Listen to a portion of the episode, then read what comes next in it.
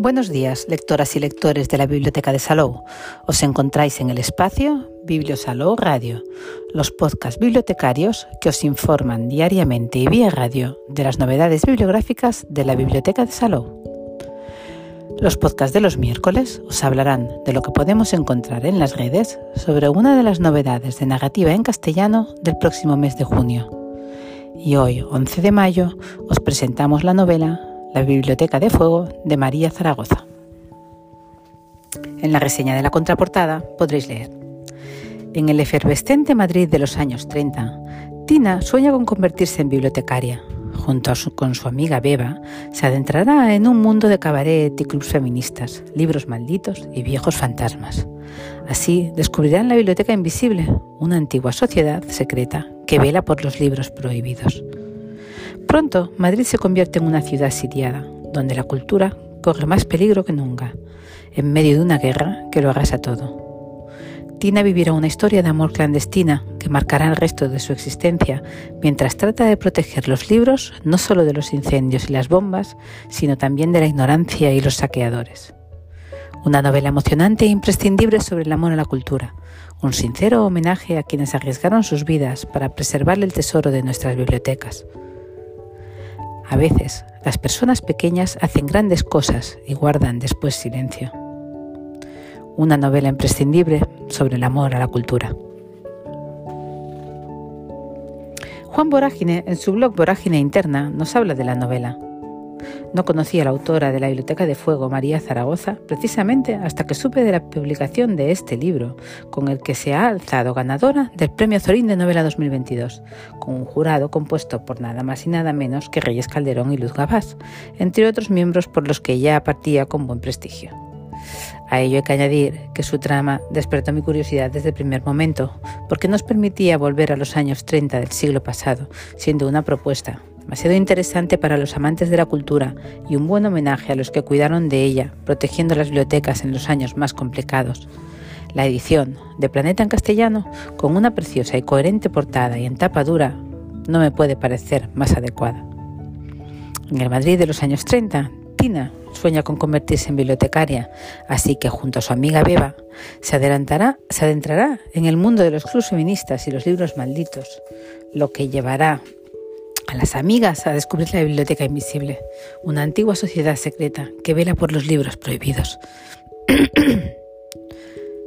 Cuando la guerra llegue con fuerza a la ciudad y la cultura se convierta en uno de los principales objetivos a destruir, Tina intentará proteger los libros de incendios, bombas y saqueadores. Pero también vivirá una historia de amor clandestina que cambiará su vida para siempre. ¿Podrá Tina proteger los valiosos ejemplares de la guerra, aunque el precio sea poner su vida en juego? ¿Tendrá que renunciar a uno de sus dos amores, cultura o pareja, para salvar al otro?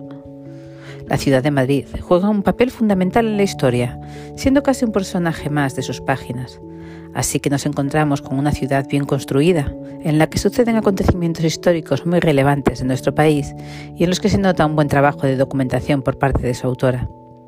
En resumen, la Biblioteca de Fuego nos permite conocer la historia de aquellas mujeres que lucharon por la cultura y la libertad y fueron adelantadas a su época en tiempos convulsos y en los que la mujer estaba relegada a un segundo plano.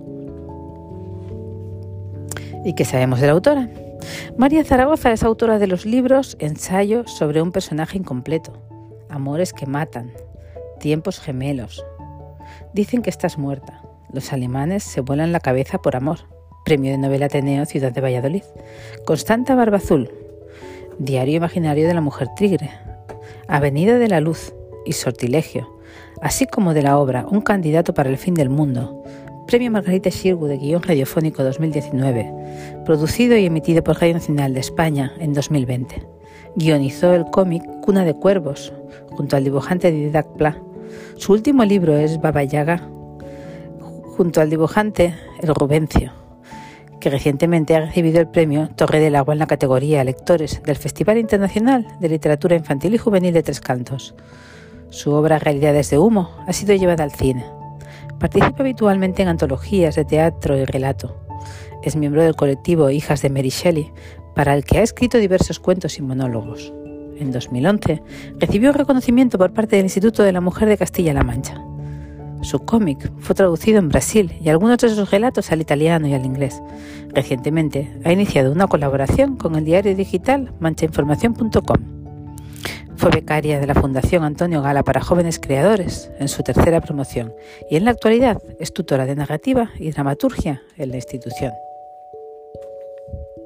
Si queréis saber más sobre su vida y su obra, presentaciones de sus libros, etc., la podéis seguir en Instagram y Facebook. Y si os interesa adentraros en su obra, en la biblioteca estaremos, como siempre, encantadas de poder ayudaros a encontrar toda su obra anterior. Y hasta aquí el podcast de hoy, pero tenemos más novedades de narrativa en castellano que iremos descubriendo cada miércoles a las 11. Que tengáis muy buen día y muy buenas lecturas que os acompañen en el día a día.